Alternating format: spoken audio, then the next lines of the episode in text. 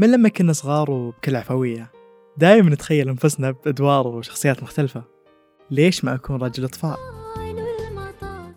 كيف بتكون حياتي لو كنت أميرة؟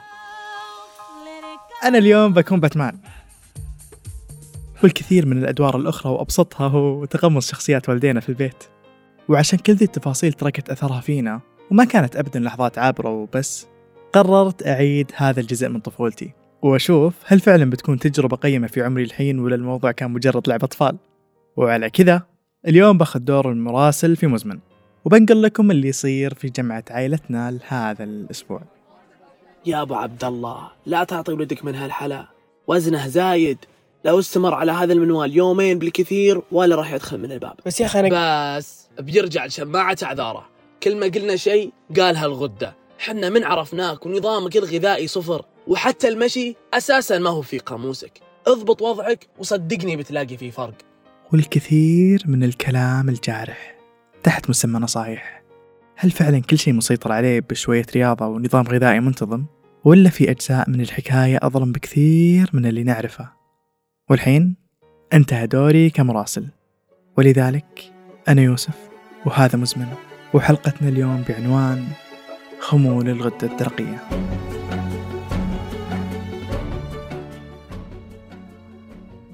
طبعا آه، الغدة الدرقية قلنا هي غدة آه، حجمها صغير جدا موجودة آه، في الرقبة في أسفل الرقبة ملتصقة بالقصبة الهوائية.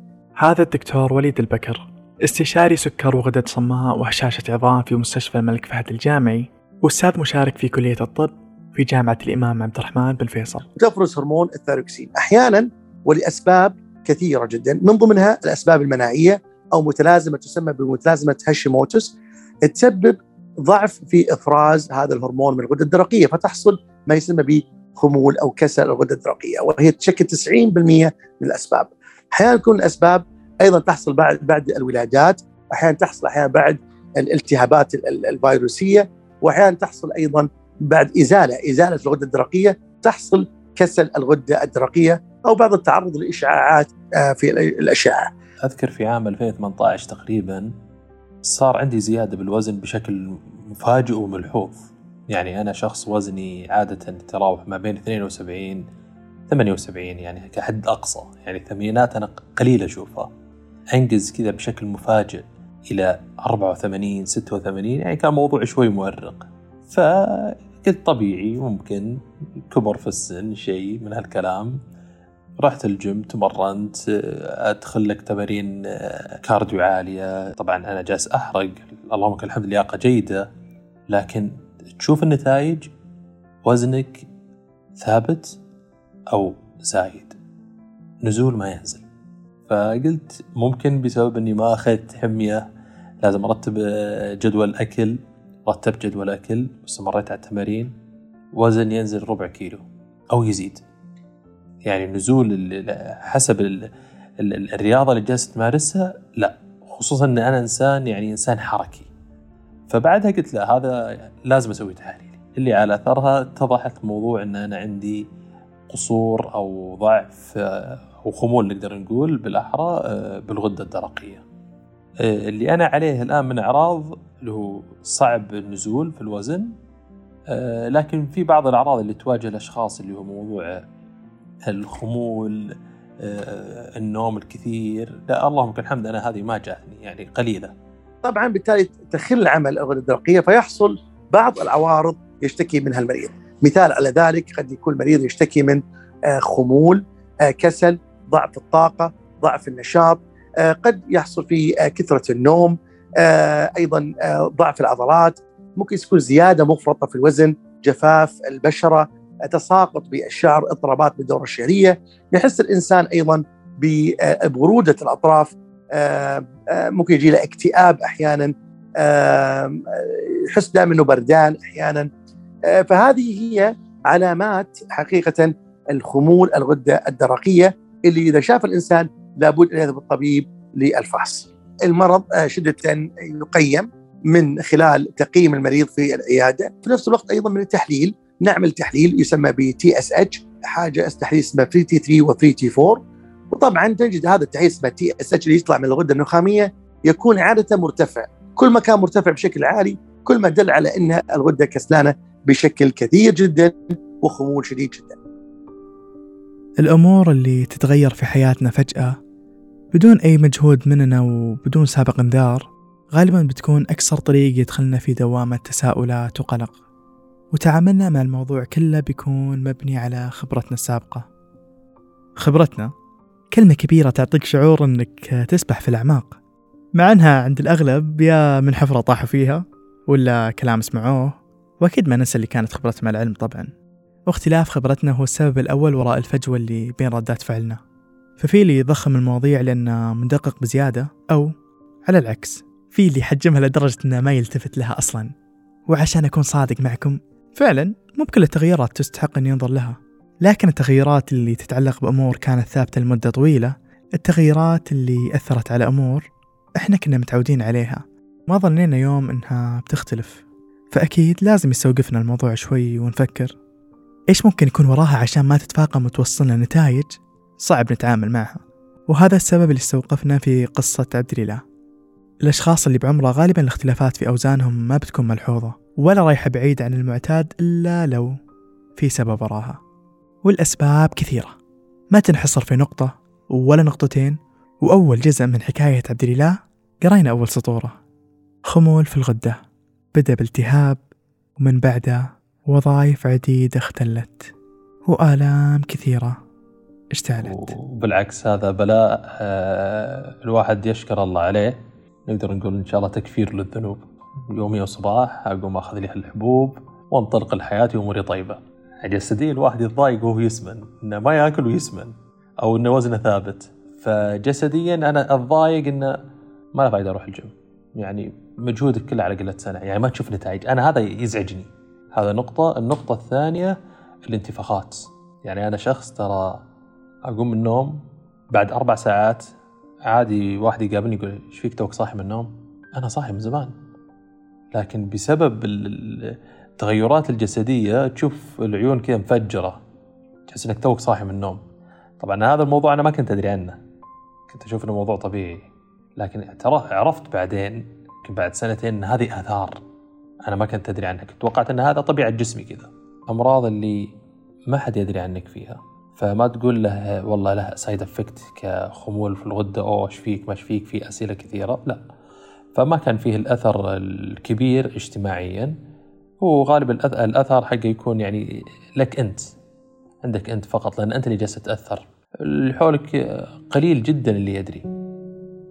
الأفكار اللي ننسجها في عقولنا غالبا تكون مرتبطة بأشياء نعرفها من قبل. أفكار بديهية غزتنا واستقرت بين معتقداتنا وصارت التبرير لأي شيء نشوفه. وبدون ما نسأل ما يهمنا نعرف الإجابة لأننا موقنين نمتلكها. فكيف لو كانت الإجابة خارج نطاق تفكيرنا المحدود؟ ناشئة من مرض صوته خافت. وفي بعض الأحيان ما نسمع أصلا. ومع ذلك تنهال عليه الكثير من التعليقات. تعليقات لو تلونت بألف لون ولون يبقى تأثيرها معتم. هي فعلا مجرد كلمات لكنها قادرة على تحويل مرض مزمن إلى ألم مزمن. أنا في البداية يوم سوينا التحاليل رحت حق الدكتور طبعا زي إنسان عادي راح للدكتور سوى تحاليله الصباح توجهت بعدها للدوام بعد كذا ساعتين ثلاث ساعات جاني اتصال من المستوصف قال لي تعال لي. دكتور كذا متصل عليك بشكل مباشر يقول لك تعال. فرحت عنده. موضوع مخيف إنه يتصل عليك يقول لك تعال. شيء يخوف. قال لي هل أنت دائما تنام؟ قلت له لا. قال هل أنت تعاني من الاكتئاب؟ قلت لا. قال متزوج؟ قلت لي قال هل عندك مشاكل أسرية؟ قلت برضو لا ما عندي. فجلس يسألني أسئلة كذا وترني. قال لي مش طبيعي. قلت له قال لي أنت أنت عارف إن عندك خمول في الغدة؟ قلت والله شوف أنا قبل سنتين كان عندي نقص في ال vitamins وتنومت في المستشفى وخلصت course ي العلاجي لمدة أسبوعين. فيوم طلعت قال لي أحد الدكاترة ترى أنت عندك خمول في الغدة. قلت له كنت أسمعها ويعني سحبت ما ما سويت شيء. قال لي أنا بعطيك نقطة. الخمول الغدة الدرقية الإنسان الطبيعي المفترض تكون ما بين الصفر الأربعة خمسة. الإنسان اللي عنده خمول تكون ما بين الخمسة والعشرة. قال لي توقع أنت كم؟ قلت على الروعة اللي سويت لي إياها 10 قال لي لا لا أكثر. قلت 20 قال لي لا فوق فوق. 50 قال لي أنا جالس يطلع لي في ال system plus 577 يعني يقول هو في رقم أعلى بس ال system مو راضي يطلع أكثر من الرقم هذا. قال أنا على مسيرتي الطبية ما شفت الرقم. المقارنات. منحدر قاتل باتفاق الجميع. وسيلة مذمومة تلمعت بهدف تطوير ذات. لكن ممكن باختلاف السياق يتغير معناها اللي نعرفه. وتكون إشارة اطمئنان مريض. بصيص نور لظلمته. وأمل لعاصفة ألم. بس لو كانت أرقامه متذبذبة حول المعدل الطبيعي لكن أرقام عبد الإله طارت بعيد. طبعا الغدة الدرقية عندما ما تفرز هرمون فالعلاج هو العلاج التعويضي أن نعوض الهرمون الناقص. فمثلا إذا كان الغدة ما تشتغل بكفاءة كويسة فنعطي دواء اللي هو اللي هو الدواء الهرمون الناقص عند الإنسان.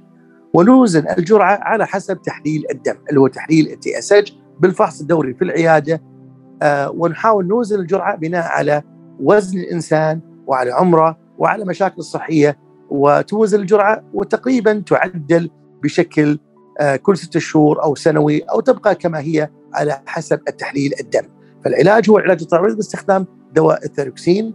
وزي ما أنتم عارفين طبعا إنه يؤخذ الدواء هذا على الريق الصباح قبل الإفطار بنص ساعة أو ساعة ويؤخذ مع ماء ولا يؤخذ مع أدوية أخرى حتى لا يؤثر على امتصاص دواء الغدة الدرقية. طيب أنا مو جالس أحس بشيء. يعني المعطيات اللي جالس تقول لي إياها الآثار الجانبية أنا مو جالس أحسها. غير موضوع سمنه فقط لا غير. أتوقع وقتها كنت أتوقع إنه ممكن علاجها إني بس أستمر بالحبوب وامورك طيبة. فهنا بدأت مرحلة العلاج وأخذ الحبوب والأمور هذه كلها. طبعا توالت أخذ الحبوب تنزل. اللهم كل الحمد بدينا ننزل. ننزل مده سنة من 577 وصلنا لل 80 وصلنا 11 فجأة 11 فجأة تنقز 90 مع إني أنا شخص في أخذ الأدوية يعني نظام عسكري. الصباح على الريق نص ساعة إلى ساعة ما تأكل شيء. في أي مكان في أي زمان في أي يوم تأخذ الحبوب هذه. أنقلها معي في كل مكان. فأنا مو الشخص المهمل اللي تقولي ممكن يكون عندي اضطرابات فدائما كشفيه كل شهرين ثلاث شهور تسوي تحاليلك تشيك مرة مرتين. فكل مرة يعني يجيك دكتور يقول لك والله أو والله طلعت الجرعة هذه لا غير مناسبة لك لازم تزيد لازم تزيد. أنا بديت من جرعة تقريبا 50 مدة ست شهور 50 100 150 200 300 وصلت إلى 300 وجلست أستمر ب 300 تقريبا من 2019 إلين شهر 5 2022 حرفيا. خلال الفترة هذه تقريبا في أكتوبر 2021 فجأة بلا سابق أي إنذار صرت لما أجلس بين السجدتين صرت أحس البطاطة والرجول كذا متنفخة. كنت أقول يا رب يعني أنا ما ما أتمرن حديد عشان تطلع لي العضلة هذه. كنت لما كنت ألبس شراب لما أفسخ شراب أشوف حزوز الشراب موجودة. قلت يمكن شرابها ضيقة خذيت أخف نوع من الشرابات برضو عندي المشكلة هذه على أبسط شيء. فجأة الرجول بدأت تنتفخ انتفاخ يعني مريب ومخيف وكبير. اضطريت بعدها مباشرة أتوجه للدكتور. توجهت للدكتور الأول الثاني يضغط. يقول لك والله ها أمورك طيبة. واحد يقول لك إحتباس سوائل. فصارت يعني كل واحد يبدأ يألف شويتين. المنطق يفرض نفسه في معظم أمور حياتنا ومن الأسلم نتبعه بهدوء لأنه طريق مضمون إلى نتائج متوقعة إلا أننا فيها على علم مسبق بخطوات المسير ومنعطفات الطريق. بالمختصر ما بنكون تايهين ومترقبين لكن اللي صار مع عبد الله كان على النقيض تماما.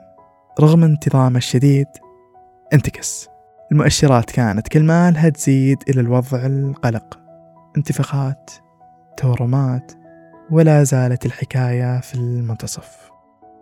خمول الغدة الدرقية ممكن وقاية من من إنه تجنب التعرض للأدوية والصبغات أكل الأكلات الغنية باليود آه، مثل الأسماك والمكسرات أيضا التعرض لهواء البحر. زي ما تشوفون لما تروحون قسم الأشعة أو أي أقسام أشعة في المستشفيات تجد إنه جزء لما موظف الأشعة الفني في الأشعة يضع واقي على منطقة الغدة الدرقية، وهذا الواقي مهم جدا لأنه تعرض الغدة الدرقية لإشعاعات قد يعرضها إلى خمول في الغدة الدرقية مع الوقت. وقد يعرضها أيضا لوجود آه، أورام آه، فيها. وهالاورام هذه ممكن تكون تتحول إلى سرطانية؟ ولهذا مهم إنك الإنسان ما يتعرض لإشعاعات بشكل كثير جدا أو راديشن في بعض الناس مثلا يتعالج من سرطان الثدي أو تتعالج مثلا من أمراض الاورام الليمفاوية. قد يتعرض لإشعاع علاجي للورم. هذا العلاج الاشعاعي من, من العوارض الجانبية حقته إنه يأثر على الغدة الدرقية ويسبب كسر في الغدة الدرقية، بالتالي لابد انه يفحص بشكل دوري. الين ما طحت على أحد الدكاترة في أحد المستشفيات يعني بدون ذكر أسماء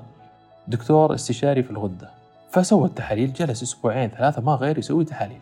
كل يوم والثاني طالب منك تحليل جديد. آخر شيء أعطاني إياها. قال لي إحنا لازم نفهم نقطة مهمة. قال الحبوب الغدة الدرقية أنت ما تأخذها أو تزيد زي ما تبغى هي تعتمد على وزنك. طولك عمرك. فعلى أساس تأخذ الجرعه مو على أساس إنه والله ما استفدت ولا استفدت. ففي لها معادلة معينة. هذا أول نقطة. النقطة الثانية فقال أنت عندك ثلاث هرمونات. عندك هرمونين عدلين ما فيهم شيء ما فيهم أي اضطراب. لكن عندك هرمون واحد هو فيه اضطراب. فيقول إذا صار الهرمونات أصلا الثلاثة بس واحد فيه اضطراب فالخلل مو غدة. مو غدة فقط في خلل ثاني. فبناء على التحاليل قال لي أنا بشوف تحاليلك الآن أنا أقدر أصنفك إنك مريض سكر ومريض كوليسترول. وعندك اضطراب في غدة في أحد الهرمونات. بس قال أنت لا انت مريض سكر ولا انت مريض كوليسترول. عندك قصور في الغدة بس ما تسوى الجرعه هذه. فقال أكيد أنت عندك مشكلة في الكلى. فتوجهنا إلى استشاري كلى استشاري الكلى سوى برضو تحاليل. عدة تحاليل مو تحليل ولا تحليلين. إلين ما اكتشف أن عندي مشكلة أساسية اللي هي أصلا عافس عندي system الجسم كامل اللي سببت لي قبل نقص في ال vitamins ونقص في في بروتين ال B12 ونقص في الحديد. ألا هو نقص في بروتين الألبومين اللي حسب معرفتي أنه هو البروتين المسؤول على نقل جميع البروتينات وفاد الجسم إلى أعضاء الجسم. فعشان كذا كنا نزيد جرعة الثيركسون إلى 300 عشان أقدر أستفيد كأنها جرعة 100 فال 300 اللي أخذها كلها كانها عبارة عن 100 تقريبا أو 150 فعل طبعا على أثرها قال إحنا لازم نشيك إيش السبب الرئيسي. فسوينا خزعة بالكلى فاكتشفنا على أثرها أن عندي التهاب آه، في الكلى. فبداية ال course طبعا كان على حبوب الكورتيزون على 60 ملي الظاهر هي كانت الجرعة 60 يعني. تقريبا الآن لي شهرين أو شهرين ونص من جالس آخذ الكورتيزون. له آثار جانبية. ال side effect حقه صراحة مخيف. شيء ظاهري. يعني آثاره الجانبية يعطيك شكل الوجه قمري انتفاخ في الخدود انتفاخ خلف الظهر آه، تجمع الدهون الثلاثية على بطنك في أرجل. كذلك إن الكورتيزون يسبب لك احتباس سوائل. already أصلا عندك مشكلة في الاحتباس السوائل بسبب إن السوائل تتجمع خارج الأوردة. والبروتين هو اللي جالس يطلع كميته مع التبول. فاثارها الجانبية مزعجة ومؤذيه يسبب لك ارق يعني ما تنام. حرفيا يعني عادي إنك ما تنام. وحتى لو نمت تنام ساعة ساعتين وتقوم hyper. فمؤذي كان صراحة في فترة رمضان. إنك ما تأخذ إلا بعد الفطور فما تقدر تنام. فكان موضوع مزعج جدا. لكن الحمد لله نقول إن عدينا 60 إلى 70% من الرحلة العلاجية. هي المفترض إنها على ثلاثة شهور قد تمتد شوي. إن شاء الله تكون أقل. لكن الحمد لله التحاليل اللي جالس اشوفها يعني سويت تحليلين خلال الفترة هذه. الحمد لله البروتين الألبومين جالس يزيد معك أفضل من أول. لكن الان الـ question mark الموجود لو وصل للنتيجة الممتازة كبروتين الالبومين وقفت كورس الكورتيزون. هل بيرجع ينزل؟ أنا هذا السؤال إلى الآن ما بعد اوصل له لكن إن شاء الله إنه يثبت ويكون أموره طيبة. ونقول إن شاء الله فترة وتعدي بإذن الله تعالى. إجراءات عديدة فحوصات مختلفة وتحاليل أشبه انها تكون يومية. الفراغات كثيرة وكل ما نملي فراغ نلاقي فراغ جديد. هل فعلا كل اللي صار كان مجرد مضاعفات الخمول الغده؟ طيب هل فعلا كل المرضى يعانون مثل عبد الله؟ ولا هي مجرد تبعات لنظام غذائي ينقص اليود بس لحظة نسينا نقول لكم إيش علاقة اليود بالغدة اليود يعتبر عنصر كيميائي ومصدر رئيسي لتصنيع هرمونات الغدة. لذلك نقصه يدخل المريض في دوامة معاناة لا متناهية. طبعا الكورتيزون هو دواء في بعض الأحيان في أسباب كثيرة يستخدم في أمراض روماتيزمية يستخدم أيضا أحيانا في آه، أدوية المناعة يستخدم أيضا في الزراعات الكلى. وزراعات الأعضاء، أيضا يستخدم للناس عندهم بعض الأمراض الجلدية، فالكورتيزون له استخدامات كثيرة حقيقة. وهو يستخدم بشكل عام إنه مثبط للالتهابات. ولكن هناك أيضا مشاكل أخرى إن الكورتيزون ممكن له عوارض جانبيه. هو إذا لم يستخدم في محله قد يسبب أحيانا ارتفاع في ضغط الدم، يسبب أيضا ارتفاع في آه، مؤشرات السكر، قد يزيد من هشاشة العظام، قد يؤدي إلى زيادة بالوزن، آه، أيضا مشاكل في بشرة الجلد، آه، تشققات في البطن وتورم في الوجه أو استدارة في الوجه واحمرار، ظهور شعر زائد خاصة في النساء، يؤدي إلى ضعف ووهن في العضلات، هذه الأشياء تعتبر من أهم العوارض الجانبية حق استخدام الكورتيزون ولهذا لابد أن يؤخذ بإتقان ويؤخذ في محله وتحت إشراف طبيب. طبعا آه، أنصح الشخص اللي عنده كسل في الغده الدرقيه إنه واحد إنه ينتظم على علاجه باستمرار، إنه يأخذه دائما حسب ما وصف الطبيب آه، الصباح على الريق قبل الإفطار بنص ساعه ويؤخذه آه، طبعا بدون ما ياخذ معه فيتامينات أو كالسيوم أو ادويه المعدة لأن هذه الأشياء لو أخذت معه ممكن تسبب ضعف الامتصاص وإنه يتابع من ثلاثة إلى ستة شهور مع طبيبة بعمل تحليل غدة والتأكد من الجرعة وأيضا في الحمل ترفع الجرعة تقريبا 30% كل إنسان له جرعة تناسبة وتناسب حجمه هذا هو أهم شيء آه اللي انصح فيه آه مرضاي اللي عندهم خمول في الغدة الدرقية. الغالب إنه يكون عنده مشكلة في الخمول ما يدري، يعني أنا شخص طلع عندي مشكلة في خمول الغدة الدرقية ولا كنت ادري عنها يمكن ثلاث أربع سنوات. بعد فترة يعني اكتشفت إني أنا أصلا مسوي تحليل غدة في عام 2014 وصاق 600 ولا كنت ادري وللأسف ما كان في أحد جالس يوجهني من دكاترة. يعني أنا وجهت السؤال هذا شخصيا لأحد الدكاترة قلت له بس معليش دكتور أنت جالس تشوف أنا عندي نتائج واصلة عند الغدة 600 هذا طبعا في مستشفى آخر. ولا جيت كلمتني. أنا إيش عرفني إن 600 إنها شيء خطر؟ أنا قلت 600 رقم عادي. ما أفهم. افحص أقل شيء مرتين في السنة. عشان تقدر تتدارك أي آه، مشاكل مستقبلا وتتفاقم معك. لأي شخص يواجه أشخاص يعني يتضح إنهم تغيروا عليه شكليا أو شيء حاول إنه يعني آه، تقلل أسئلتك. لأنه يمكن أنا شخص أتقبل أنا بالنسبة لي عادي جدا وأحب إني ما أحب إن أحد يسألني طبعا لكن إذا أحد سألني بالعكس أحب إني أفيده في النقطة هذه لازم أوضح له. أنا ما عندي مشكلة. لكن في ناس قد يكون آه، حساسين في النقطة هذه ما يحبون.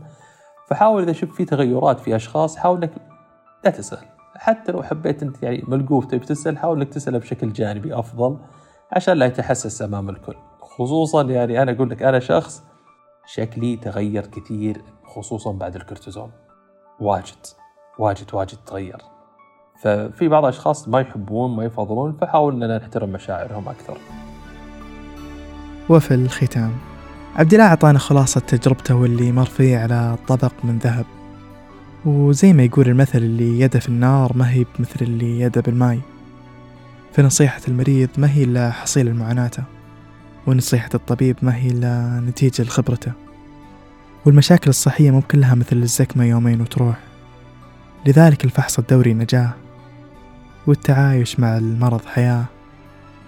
ولنجعل أيدينا دائما ممتدة لتكون العون عند الشدة.